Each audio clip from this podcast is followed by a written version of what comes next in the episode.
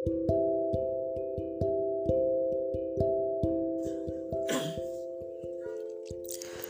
kawan, selamat datang di podcast saya Kita Historical.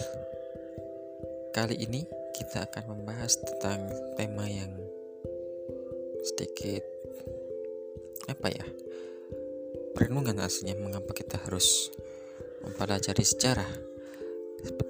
Seperti pembahasan yang lalu mengenai betapa pentingnya sejarah Sejarah bukan sekedar hafalan tetapi pemahaman. Bila kita tidak paham, kita akan terbunuh tanpa sadar. Terbunuh di sini bukan bukan ini ya, bukan kriminal yang berdarah sih. Ini kata kiasan mengenai sesuatu yang terlupakan. Terlupakan oleh siapa saja. Sebagaimana para tokoh sejarah tokoh sejarah pasti ada yang mengenangnya dan salah satu cara untuk mengenangnya adalah menuliskannya atau menceritakannya. Di pembahasan yang lalu saya pernah membahas mengenai tulisan yang bisa membuat seseorang dikenang. Menulis bukan tentang apa yang kita dapat saat ini, namun apa yang akan kita beri untuk masa depan. Memberi bukan tentang saat ini. Memberi adalah keikhlasan yang tidak apa ya? Tidak kita ketahui bagaimana dia akan datang karena dia hanya akan datang ketika kita benar-benar bekerja sungguh-sungguh dan ikhlas. Presiden Soekarno telah menerbitkan banyak buku yang ditulis langsung maupun dituliskan oleh orang lain. Ini salah satu contohnya. Mereka yang dikenang oleh masa. Presiden Soekarno berkarya dengan tulisan dan tindakan. Seperti yang ditulis oleh Cindy Adam yang berjudul Bung Karno, Penyambung Lidah Rakyat Indonesia. Dari beberapa buku dan pidatonya, selalu ditekankan pentingnya mengetahui sejarah sebagai cara berpedoman hidup.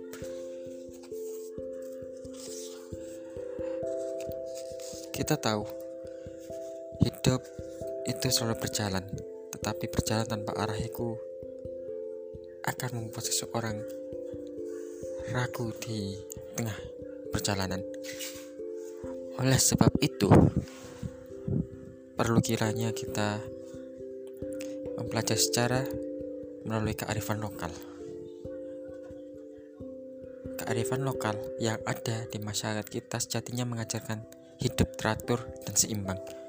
Sama seperti sejarah, Sejarah itu memahami dan pemahaman itu harusnya membuat kita bisa seimbang luar dan dalam. Bagaimana kita memposisikan diri sebagai penjaga, perawat, dan pengolah alam yang ada di sekitar kita dengan bijaksana. Tidak mengambil berlebih maupun tidak mengambilnya sama sekali ada jatahnya tersendiri. Rata-rata hampir sebagian budaya yang ada di kita atau bahkan di dunia mengajarkan tentang pentingnya hidup berdampingan dengan alam. Sejarah adalah ilmu kebijaksanaan bagi mereka yang mau mempelajarinya dan juga mau mengamalkan. Yang pasti itu yang ditekankan. Belajar dan mengamalkan. Kebijaksanaan tersebut sejatinya perlu dicatat agar tidak hilang di makan waktu.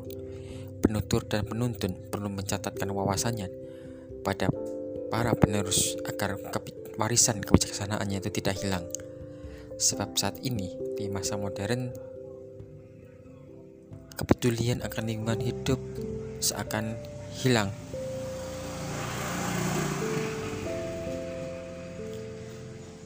Hilang begitu saja karena ya bisa dibilang terlalu apa ya? Kita selalu berpikir cepat. Memang perlu di saat ini kita berpikir cepat dan juga dinamis efektif dan juga harus cepat. Namun tidak semuanya yang cepat itu bisa awet dan dan yang pasti bertahan lama. Kalau kita lihat ajaran mbah-mbah dulu yang pernah mungkin yang bagi yang pernah belajar ngaji metode kampung pasti akan ada namanya pelafalan. Alif bata jer alif bata ta lalu ada ikro ada proses dan proses itu yang dikenang. Begitu pula dengan saat ini.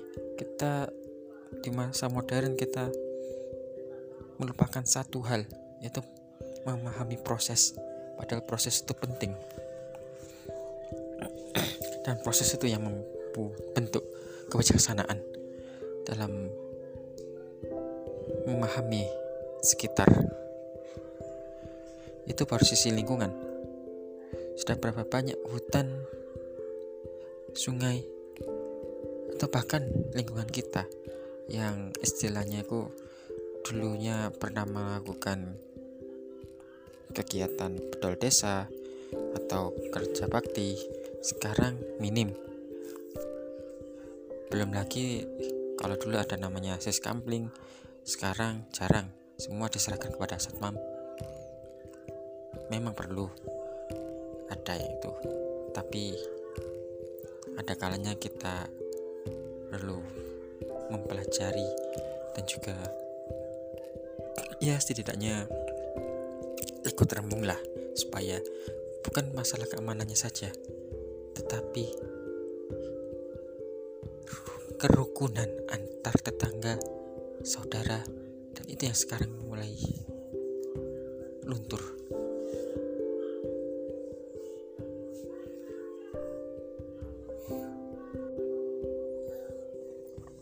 Kembali lagi ke tema sejarah Sejarah itu bukan tentang hafalan, tapi memahami sebagaimana yang lalu. Kalau kita melupakan sejarah, kita akan membunuh diri kita sendiri, membunuh warisan kebijaksanaan yang telah dibangun oleh orang tua kita, kakek kita, buyut kita, dan semuanya seakan tidak ada apa ya bingung. Kita selalu berpikir ke depan tanpa arah dan akhirnya seperti saat ini terlalu banyak kebingungan keresahan dan juga kebimbangan. Kita selalu menghujat anak sekarang nggak tahu akhlak ada apanya. Lagi gimana mana mereka tahu kadang kita sendiri nggak pernah memberi contoh. Contohnya apa? Tulisan kah atau apa? Itu yang mirisnya di situ. Dan secara tidak langsung kita membunuh mereka dengan ketidakpedulian kita. Kalau kita lihat di Arab ada yang namanya buku silsilah. Di Cina juga ada istilahnya itu rumah abu yang menyusun silsilah keluarga dan juga pengalaman. Di hampir beberapa kebudayaan di dunia mengajarkan silsilah untuk memahami perjalanan hidup. Ada yang menggunakan penuturan maupun tulisan. Dan inilah yang sekarang mulai hilang. Kita jarang menuliskan kegiatan kita. Kalau tidak bisa menulis minimal menceritakan. Menceritakan pengalaman yang pernah kita lalui. Kesedihan keresahan keberhasilan kebahagiaan dan lain sebagainya karena kita tidak tahu jalan hidup kita akan menjadi apa. Mungkin ke depan kita jadi lebih baik atau mungkin juga lebih buruk. Dan apa yang kita tulis ataupun kita ceritakan bisa menjadi pengingat. Mungkin bagi kita, keturunan kita atau orang sekitar kita.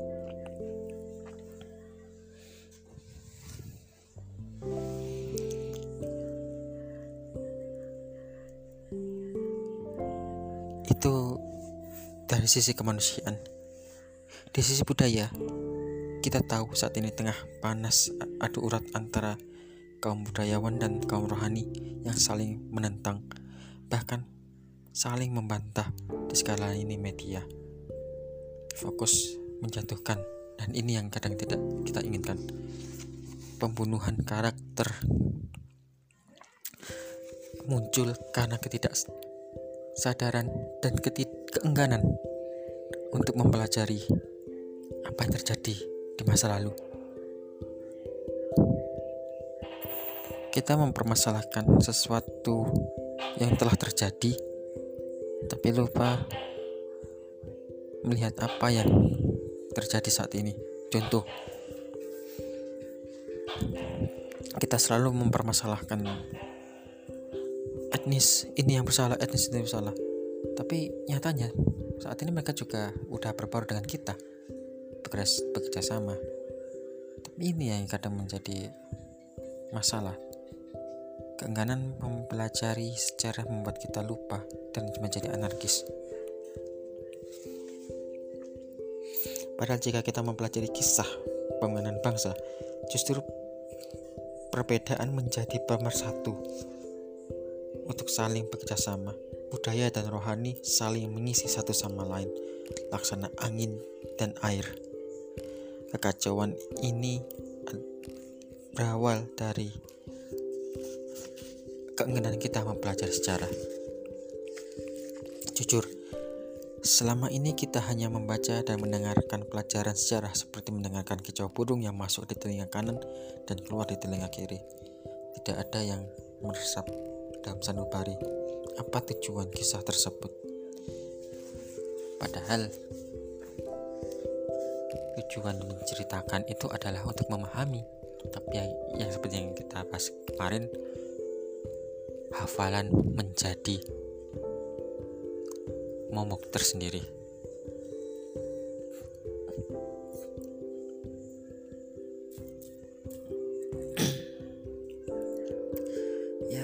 Bisa dibilang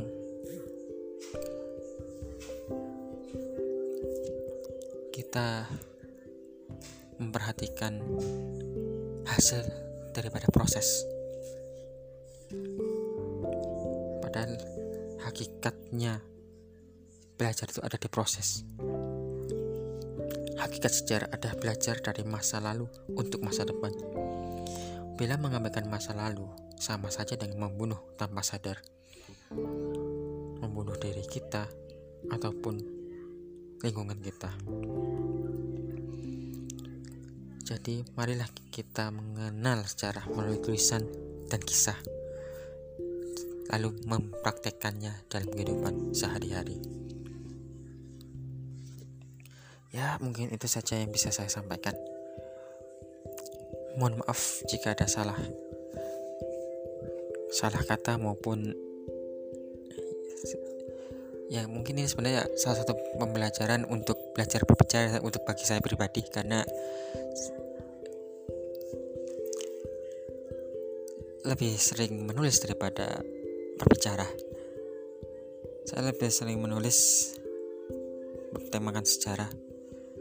Dan ini adalah salah satu intisari dari beberapa bab yang saya tulis dalam buku Cara Lahap Menyantap Sejarah sekali lagi cara lahap menyantap sejarah. Kadang salah satu cara untuk tetap menjaga sejarah selain menulis adalah menceritakannya dan ya inilah saya mencoba untuk mempraktekannya banyak yang istilahnya aku masih buta sejarah. Kalaupun ada mungkin diseliwurkan seliwurkan. Itu di, di istilahnya itu diselewengkan.